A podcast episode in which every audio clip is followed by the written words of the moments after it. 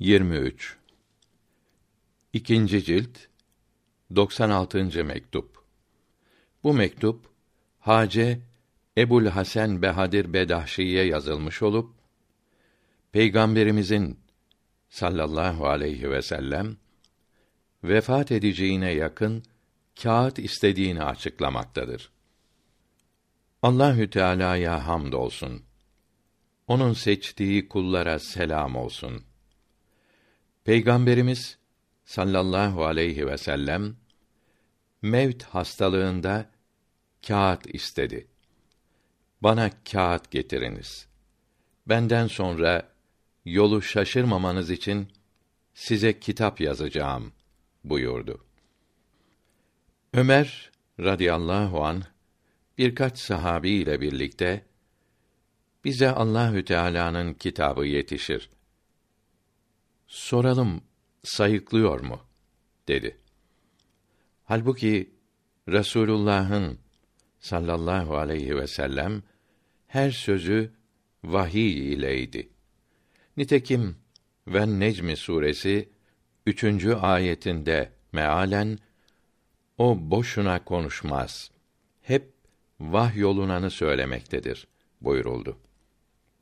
Vahiy reddolunursa küfür olur. Nitekim Maide suresi 44. ayetinde mealen Allahü Teala'nın gönderdiğine uymayanlar kâfirdir buyuruldu. Bundan başka peygamberin sallallahu aleyhi ve sellem sayıklayacağını, faydası söyleyebileceğini sanmak ona güvenmeyi ve dinine itimat etmeyi sarsar ki bu da küfür ve zındıklıktır. Bu mühim şüpheyi nasıl halletmeli? Allahü Teala anlayışını arttırsın. Doğru yolda yürümeni nasip eylesin. Böyle şüpheleri ortaya atarak üç halifeyi ve başka sahabileri lekelemek isteyenler insaf etseler ve insanların en iyisinin sohbetinin şerefini, kıymetini anlasalar ve eshab-ı kiramın aleyhimür rıdvan bu sohbette bulunmakla nefslerinin isteklerinden tamamen kurtulduklarını ve kin, düşmanlık gibi huylardan temizlendiklerini ve hepsinin din büyüğü, İslam'ın göz bebekleri olduklarını ve İslamiyeti kuvvetlendirmek ve insanların en iyisine yardım etmek için bütün güçleriyle çalıştıklarını ve İslamiyeti yükseltmek için bütün mallarını feda ettiklerini ve Resulullah'a aleyhisselam olan aşırı sevgileri uğrunda aşiretlerini, kabilelerini, evlatlarını, zevcelerini,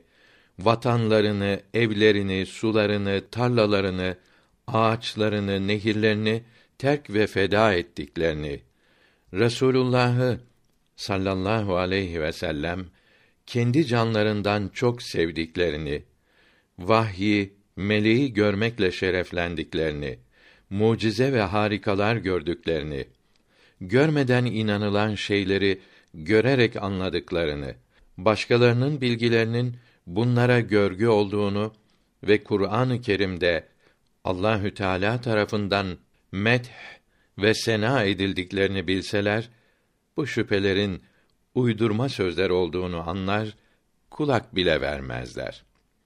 Bu sözlerin yanlış yerlerini anlamaya, çürük noktalarını ayırmaya lüzum bile görmezler. Bu üstünlüklerde eshab-ı kiramın hepsi ortaktır.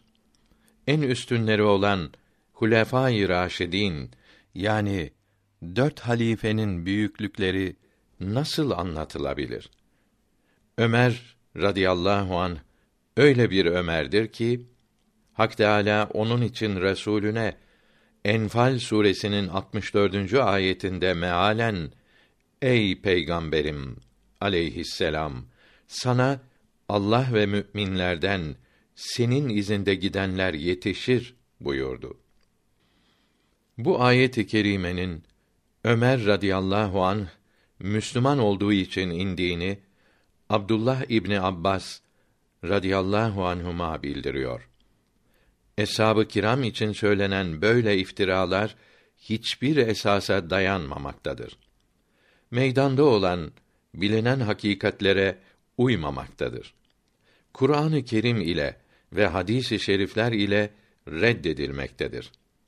Bununla beraber bu suale cevap vermiş olmak için ve o şüpheli sözün çürük noktalarını belirtmek için Allahü Teala'nın yardımı ile birkaç ön söz yazmayı uygun gördüm.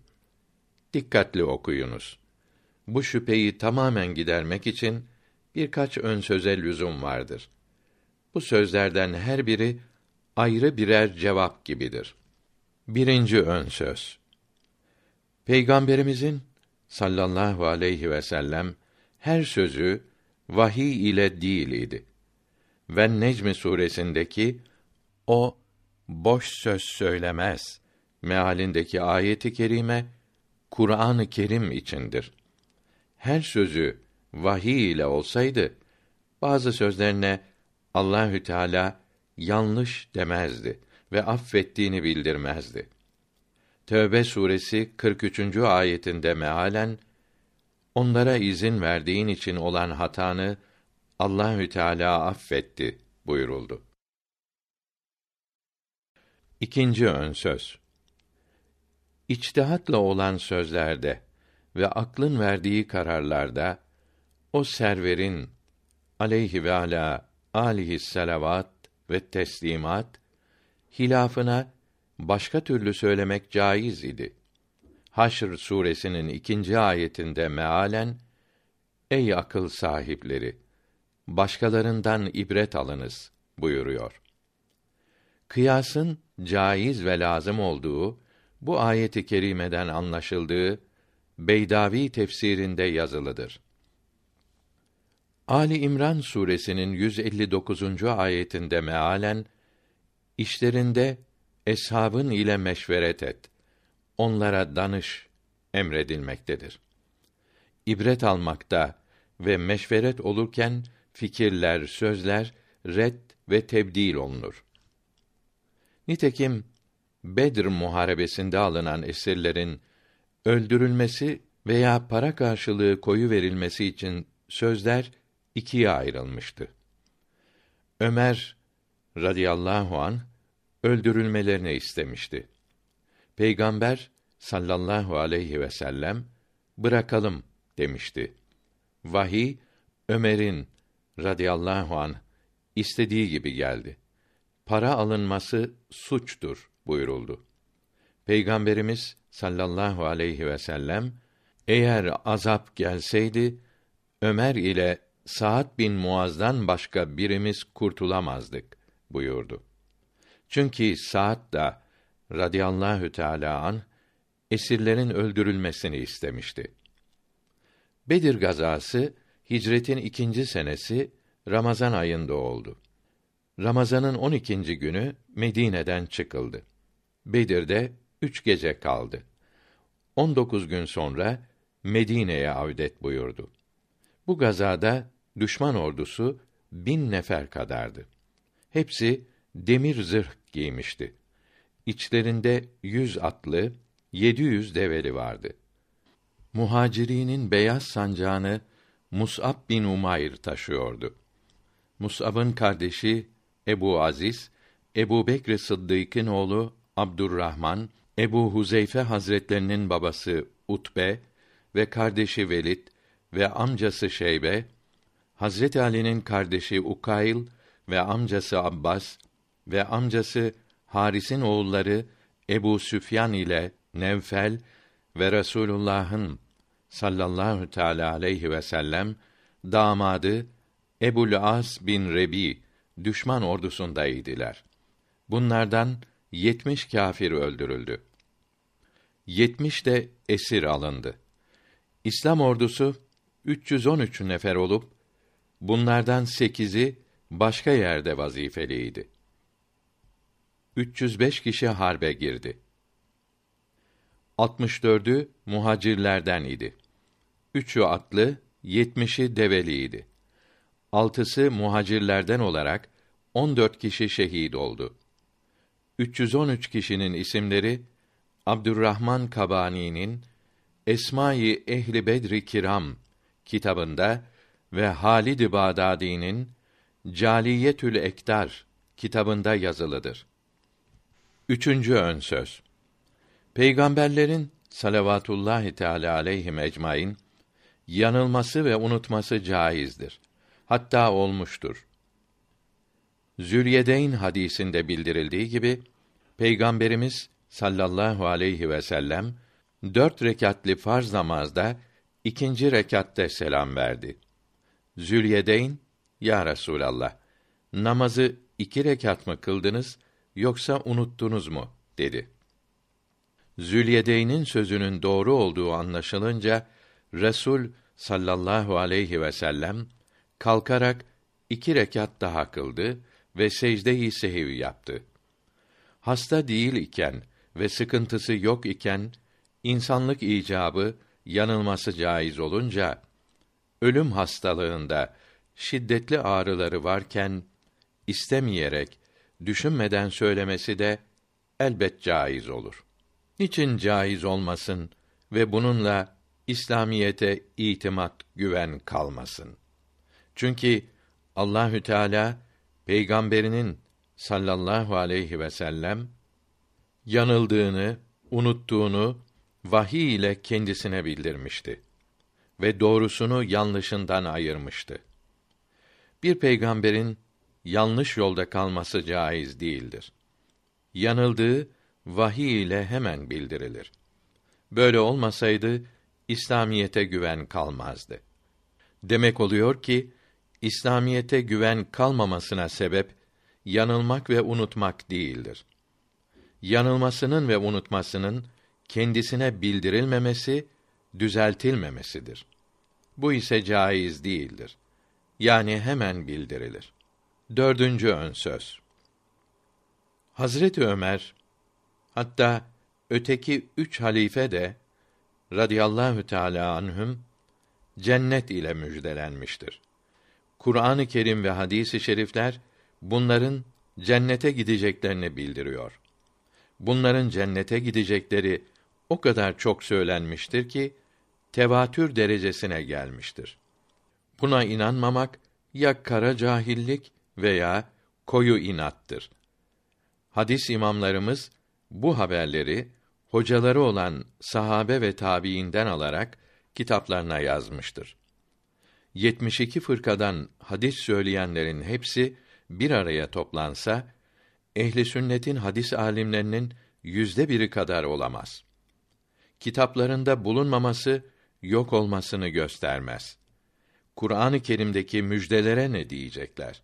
Mesela Tevbe suresinin 103. ayetinde mealen önce imana gelenlerden her fazilette öne geçenlerden hem Mekke'den gelen muhacirlerden hem de Medine'de bunları karşılayıp yardım eden ensardan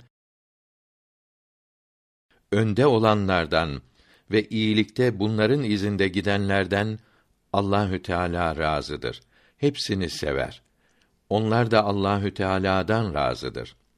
Allahü Teala onlara cenneti hazırladı. Cennette sonsuz kalacaklardır.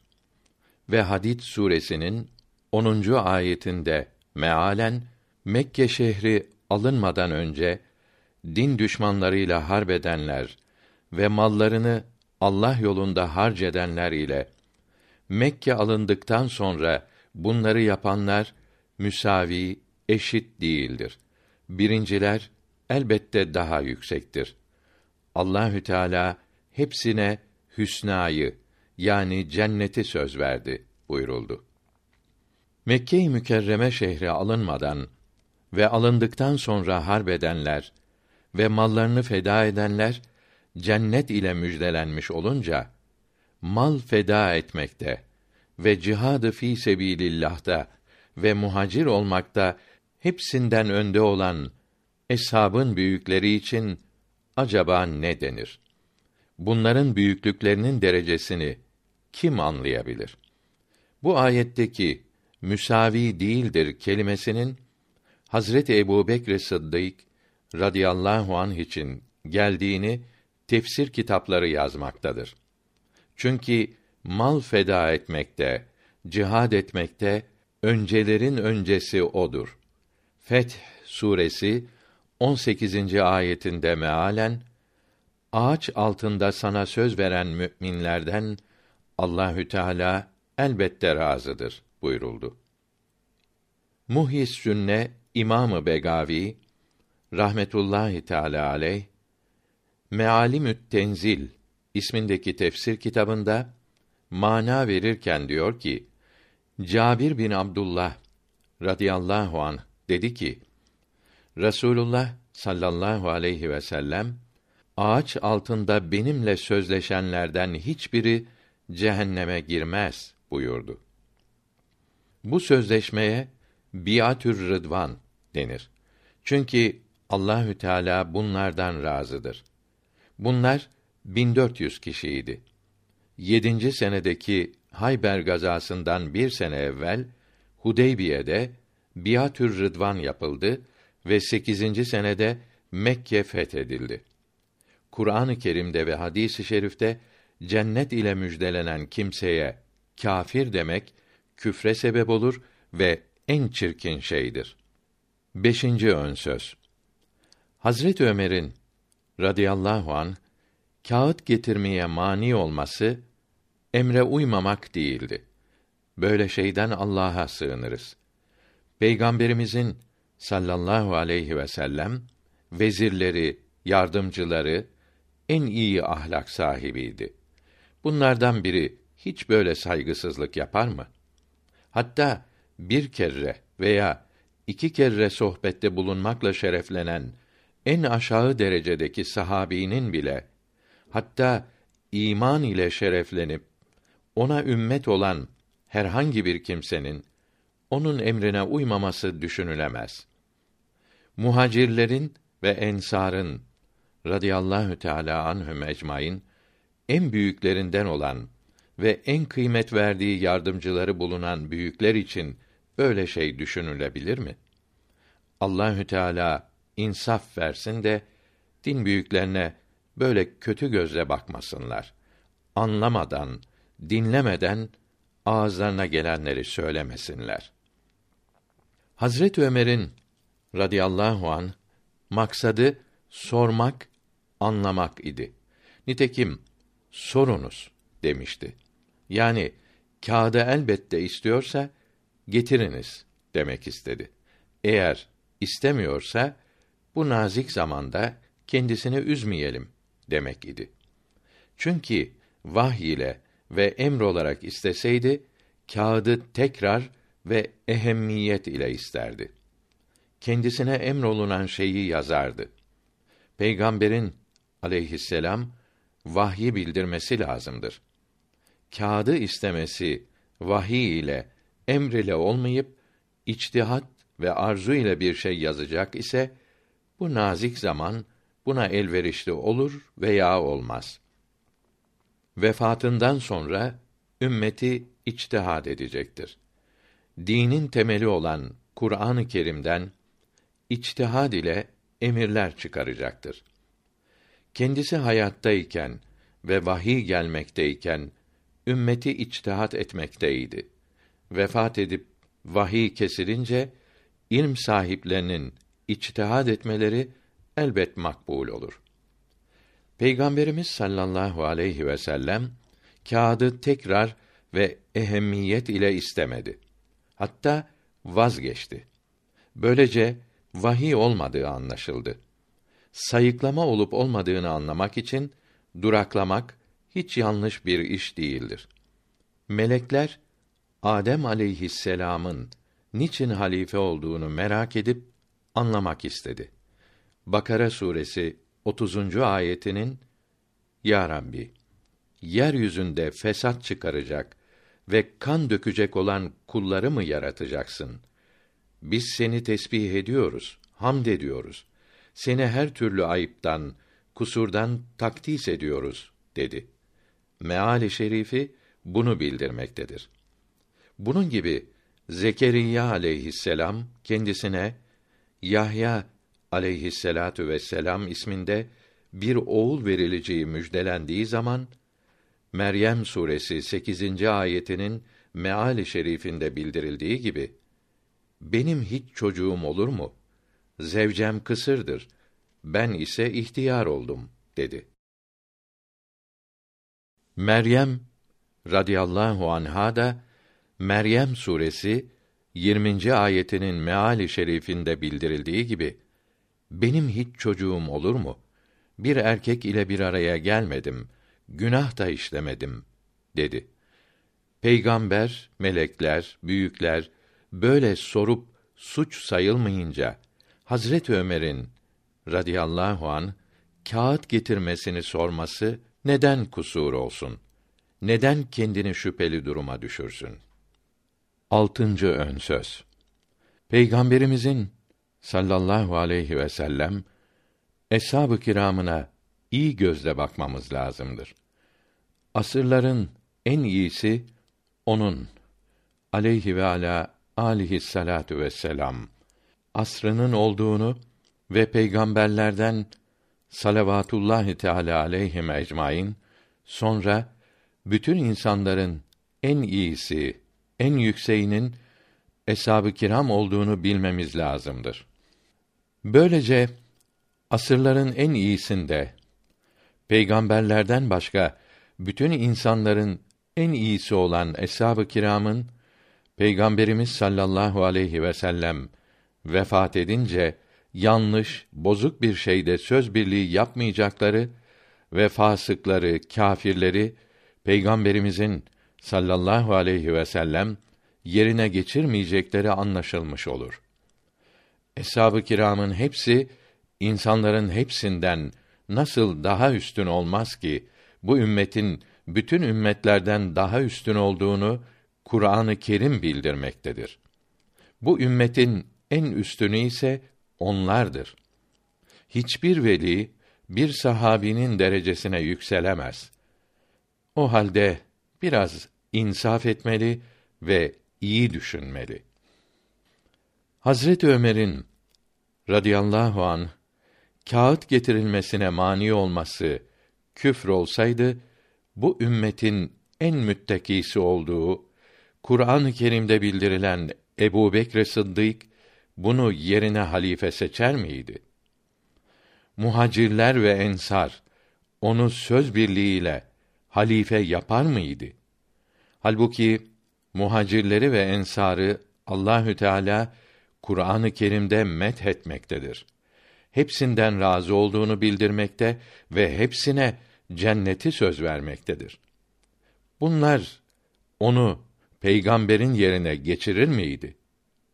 Bir kimse peygamber efendimizin sallallahu aleyhi ve sellem eshabına iyi gözle bakarsa böyle çirkin zan ve şüphelerden kurtulur.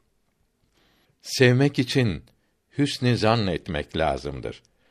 Peygamber aleyhisselam'ın sohbetine ve o sohbette bulunanlara iyi gözle bakılmazsa ve Allah göstermesin kötülenirse bu kötülük o sohbetin ve o eshabın sahibine gider.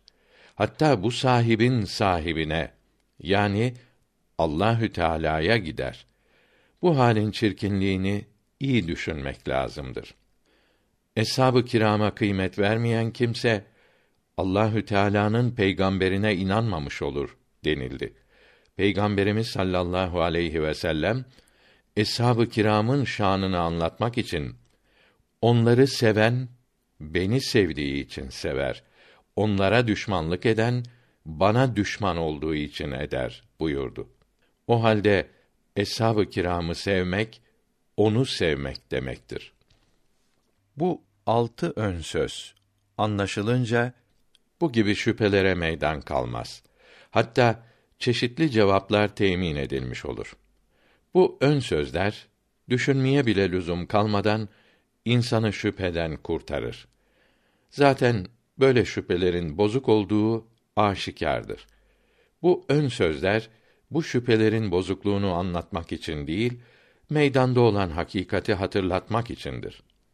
Bu fakire göre böyle şüpheler şuna benzer ki bir zeki kimse ahmakların yanına gelip önlerinde duran bir altının taş olduğunu çeşitli yalanlarla ispat etse o zavallılar bu sözlerin yalan olduğunu anlamayıp bozuk taraflarını meydana çıkaramadıklarından şüpheye düşerler.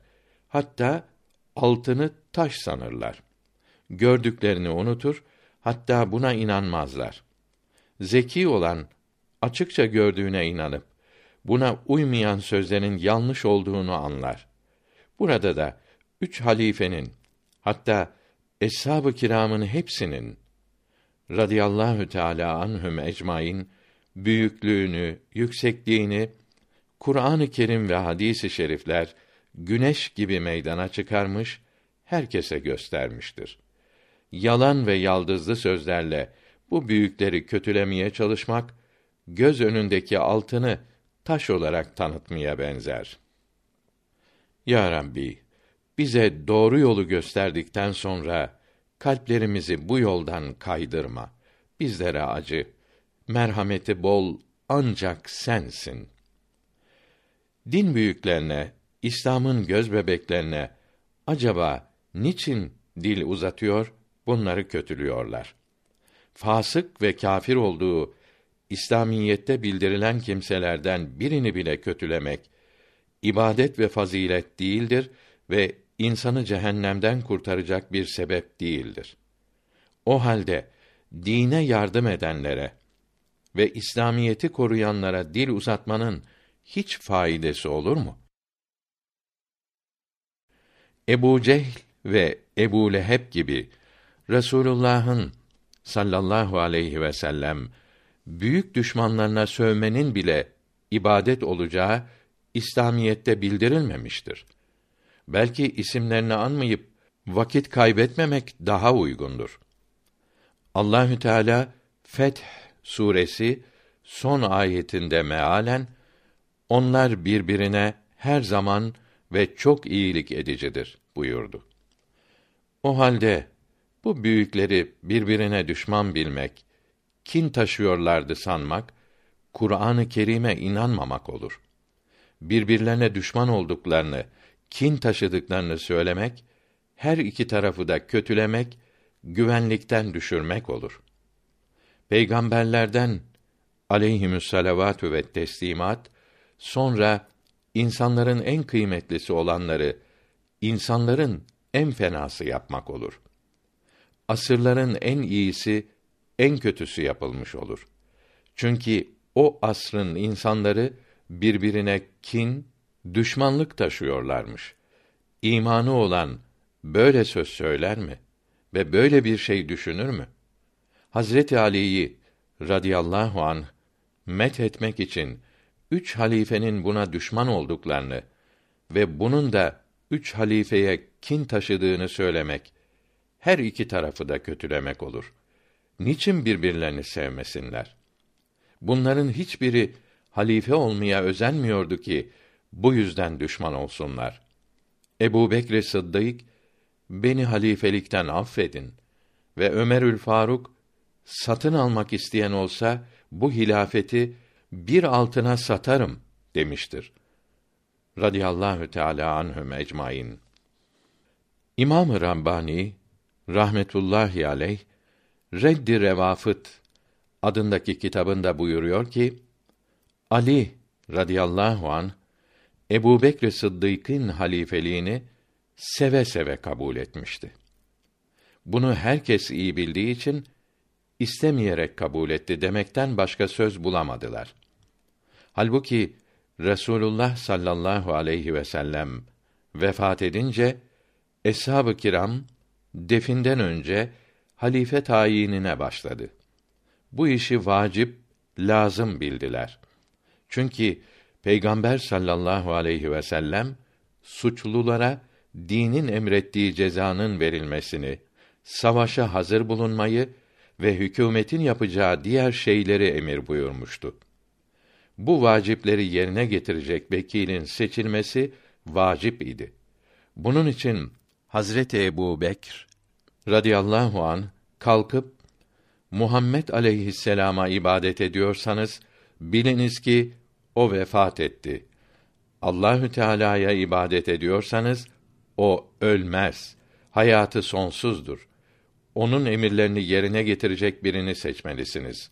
Düşünün, bulun, seçin dedi. Herkes doğru söylüyorsun dedi. Ömer radıyallahu an hemen kalkıp seni isteriz ya Bekr dedi. Bulunanların hepsi seni seçtik dedi. Ebu Bekr radıyallahu an sonra minbere çıkıp etrafa baktı. Zübeyr'i göremiyorum. Onu çağırın dedi. Zübeyr geldi. Ebu Bekr, Zübeyr'e, Müslümanlar beni halife seçti. Bunların söz birliğinden ayrılmak ister misin? dedi.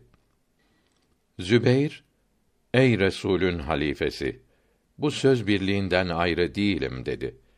Elini uzatıp kabul etti. Ebu Bekr radıyallahu an sonra minbere çıkıp etrafa baktı. Ali'yi göremedi. Çağırın dedi. Emir gelince ona da böyle söyledi. O da ayrılmam deyip elini uzatarak müsafaha ve kabul buyurdu. Hazreti Ali ve Zübeyr radıyallahu anhuma seçime geç geldikleri için halifeden özür dilediler ve bize önce haber vermedikleri için gelmedik. Bunun için de üzüldük. İçimizde halife olmaya layık Ebu Bekr olduğunu görüyoruz. Çünkü o Resulullah'ın sallallahu aleyhi ve sellem mağaradaki arkadaşıdır. En şereflimiz, en iyimiz odur. Resulullah sallallahu aleyhi ve sellem içimizden onu imam seçti. Arkasında namaz kıldı dediler. Hazreti Ebu Bekr halifeliğe layık olmasaydı, Hazreti Ali radıyallahu an onu istemez, benim hakkımdır derdi. Nitekim Hazreti Muaviye'nin radıyallahu an halife olmasını kabul etmedi. Kendisi halife olmak için uğraştı. Halbuki Hazreti Muaviye'nin ordusu kuvveti çok idi. Bu yüzden çok kimselerin ölmesine sebep oldu. Böylece güç durumda hakkını istediği halde hakkı kendinde görseydi Hazreti Ebubekir'den istemesi daha kolayıydı. Seçilmesini ister ve hemen seçilirdi. Ali radıyallahu an Ebu Bekri radıyallahu an seçtiğini bildirip biat ettikten sonra minberin önünde oturdu. Sonraki konuşmalarda halifenin suallerine tesirli cevaplar vererek halifeyi destekledi. Sofiye Aliye'nin büyüklerinden ve reislerinden olan Gavs-ı Azam Seyyid Abdülkadir Geylani kuddise sirru talebesine ve bütün gençliğe dini İslam'ı öğretmek ve itikatlarını düzeltmek için yazdığı Gunyetü't Talibin ismindeki kitabının Mısır'da 1322 senesi baskısı 84. ve Türkçe tercümesinin İstanbul'da 1303 baskısı 114. sayfelerinden başlayarak buyuruyor ki: Ehli sünnete göre Muhammed aleyhisselam'ın ümmeti başka peygamberlerin ümmetlerinden daha üstündür. Bu ümmetin de üstünü ona iman ederek mübarek yüzünü görmekle şereflenen eshab-ı kiramdır ki hepsi ona tabi olmuş, onun için harp etmiş, onun uğruna canlarını, mallarını feda etmiştir. Onun emrini yapmak birinci vazifeleri olmuş, her şeyde onun yardımcısı olmuşlardır.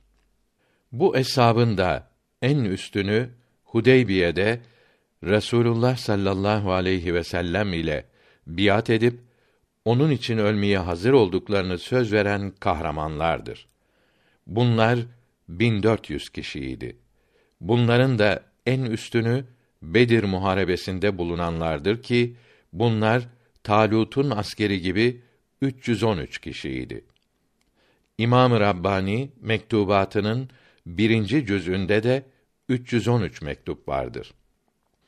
Bunların da üstünü ilk Müslüman olan 40 kişidir ki kırkıncısı Ömer radıyallahu an bunların 34'ü erkek altısı kadındır. Bunların da üstünü aşere-i mübeşşere yani cennete girecekleri müjdelenen on kişidir.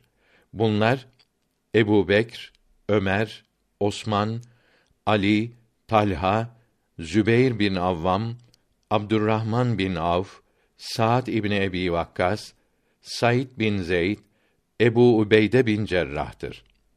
Bunların da üstünü Hülefâ-i Raşidin yani dört halife olup bunların da üstünü Ebu Bekr, sonra Ömer, ondan sonra Osman, ondan sonra Ali'dir.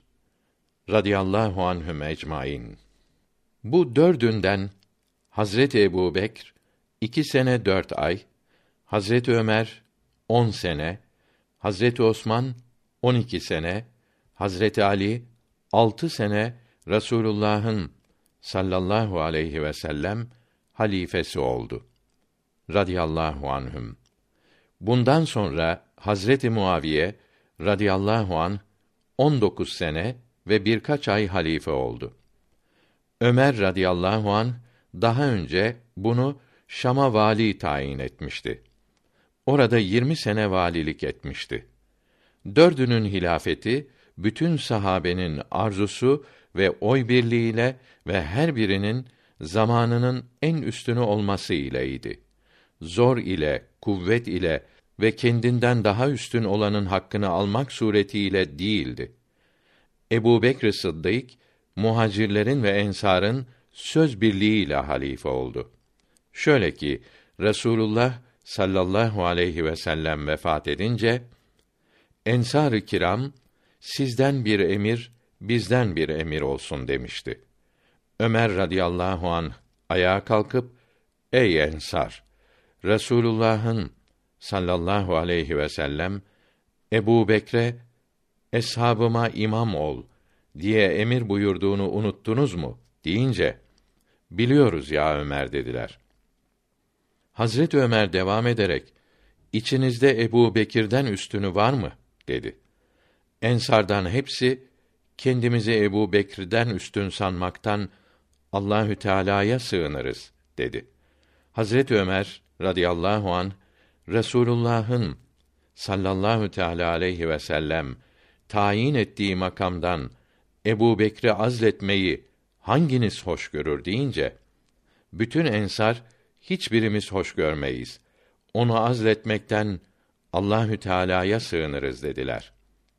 Muhacirler ile el birliği yaparak Ebu Bekre halife yaptılar. Hazreti Ali ve Zübeyr radıyallahu anhüma da sonra oraya geldi. İkisi de halifeyi kabul etti. Hazreti Ebu Bekr Sıddık radıyallahu an üç defa ayağa kalkıp beni halife kabul etmekten vazgeçeniniz var mı dedi. Önde duranlar arasında bulunan Ali radıyallahu an ayağa kalkıp hiçbirimiz vazgeçmeyiz. Vazgeçmeyi hiçbir zaman hatırımızdan geçirmeyeceğiz. Resulullah sallallahu aleyhi ve sellem seni hepimizin önüne geçirdi. Kim seni geriye çekebilir buyurdu. Hazreti Ebu Bekr Sıddık'ın radıyallahu an halife olmasını isteyerek en tesirli söz söyleyenin Ali radıyallahu an olduğunu kuvvetli, sağlam haberlerle anlamış bulunuyoruz. Mesela deve vakasından sonra Abdullah bin Keva Hazreti Ali'ye radıyallahu an gelip Resulullah sallallahu aleyhi ve sellem hilafet için sana bir şey söylemedi mi dedikte biz önce dindeki vazifemize bakarız. Dinin direği ise namazdır. Allahü Teala'nın ve Resulünün sallallahu aleyhi ve sellem dinde bizden beğendikleri şeyleri dünyalık olarak beğenir, seçeriz. Bunun için Ebu Bekri radıyallahu an halife yaptık buyurdu. Resulullah sallallahu aleyhi ve sellem son günlerinde hastayken namaz kıldırmak için Ebu Bekr Sıddık'ı radıyallahu an kendi yerine imam yapmıştı. Bilal-i Habeşi radıyallahu an her ezan okuduğunda Ebu Bekre söyleyiniz. Nasa imam olsun buyururdu. Resulullah sallallahu aleyhi ve sellem kendinden sonra Hazreti Ebu Bekir'in halife olmaya herkesten daha layık olduğunu gösteren ve Ömer, Osman ve Ali'den radıyallahu anhüm her birinin de kendi zamanlarındaki insanlardan hilafete en layık olduklarını bildiren çok şeyler söylemiştir.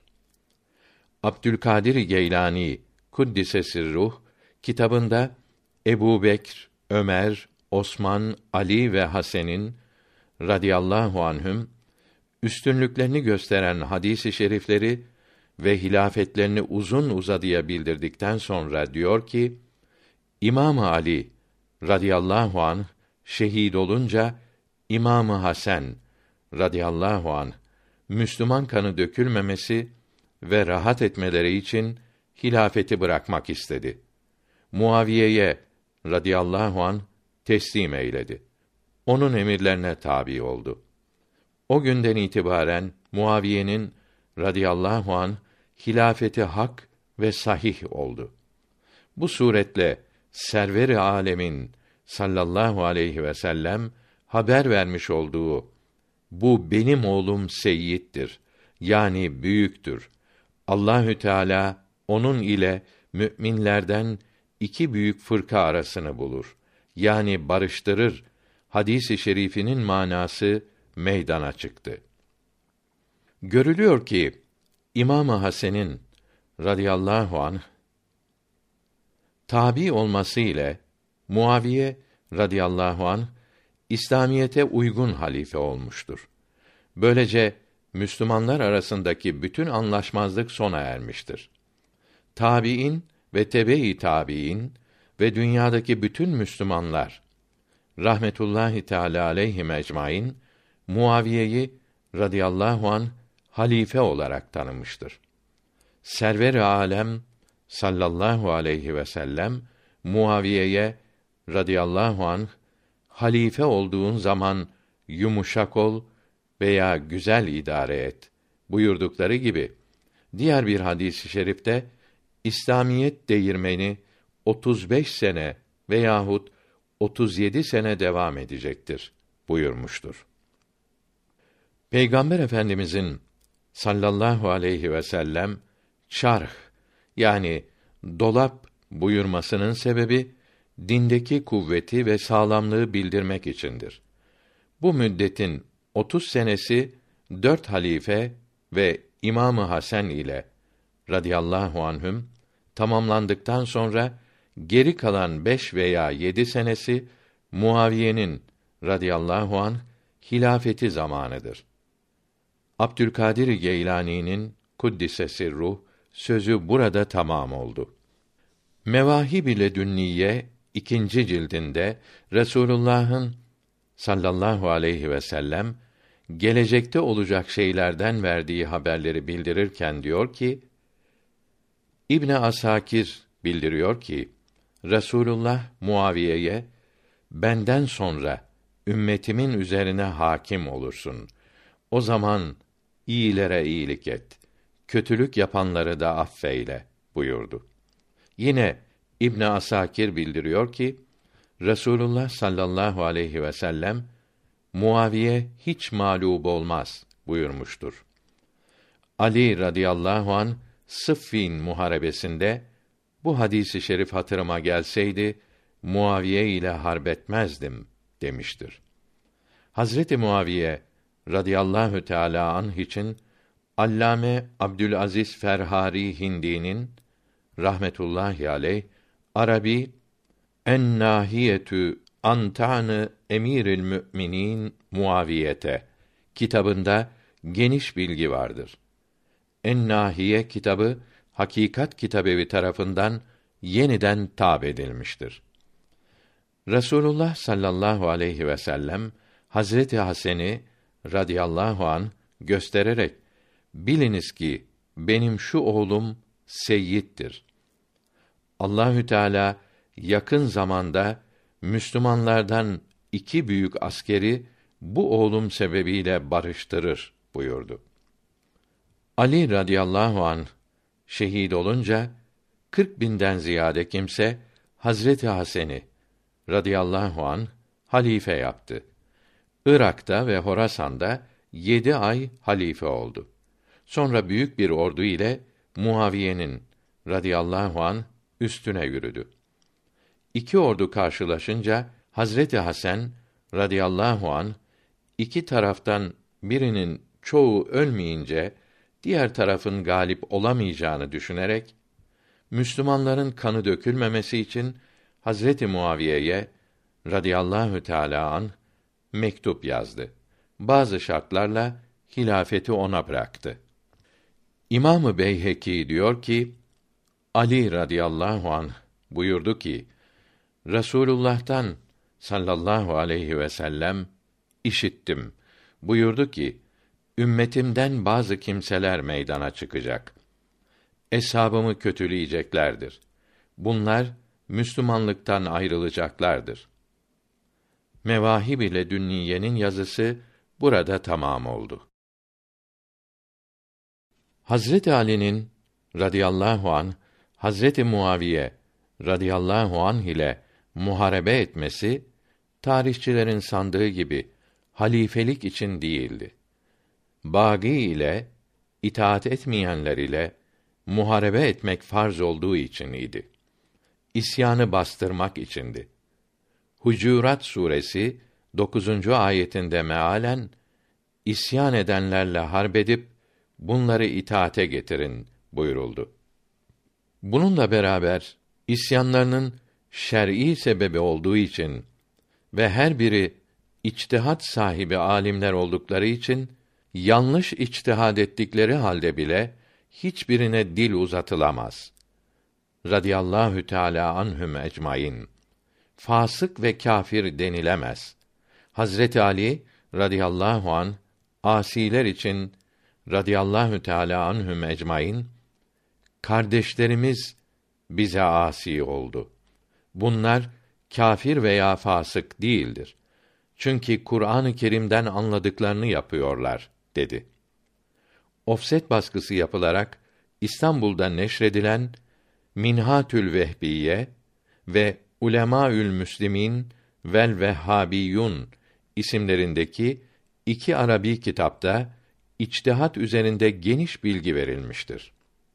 İmam-ı Şafii rahmetullahi aleyh buyurdu ki Allahü Teala ellerimizi bu kanlara bulaşmaktan koruduğu gibi biz de dilimizi tutup bulaştırmayalım.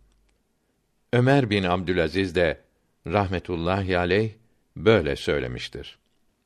Ya Rabbi, bizi ve bizden önce gelen din kardeşlerimizi affeyle. Mahlukların en kıymetlisi olan Peygamberimiz Muhammed aleyhisselama ve temiz olan aline ve eshabının hepsine Rıdvanullahi aleyhim ecmaîn bizlerden kıyamete kadar dua ve selamlar olsun. Amin. Tembih. Ehli sünnet alimleri eshab-ı kiram hakkında Müslümanlara nasihat olarak pek çok kitap yazdılar. Bu kitaplardan 32'sinin isimleri ve yazarları Mektubat tercümesi kitabının 80. mektubunun sonunda bildirilmiştir.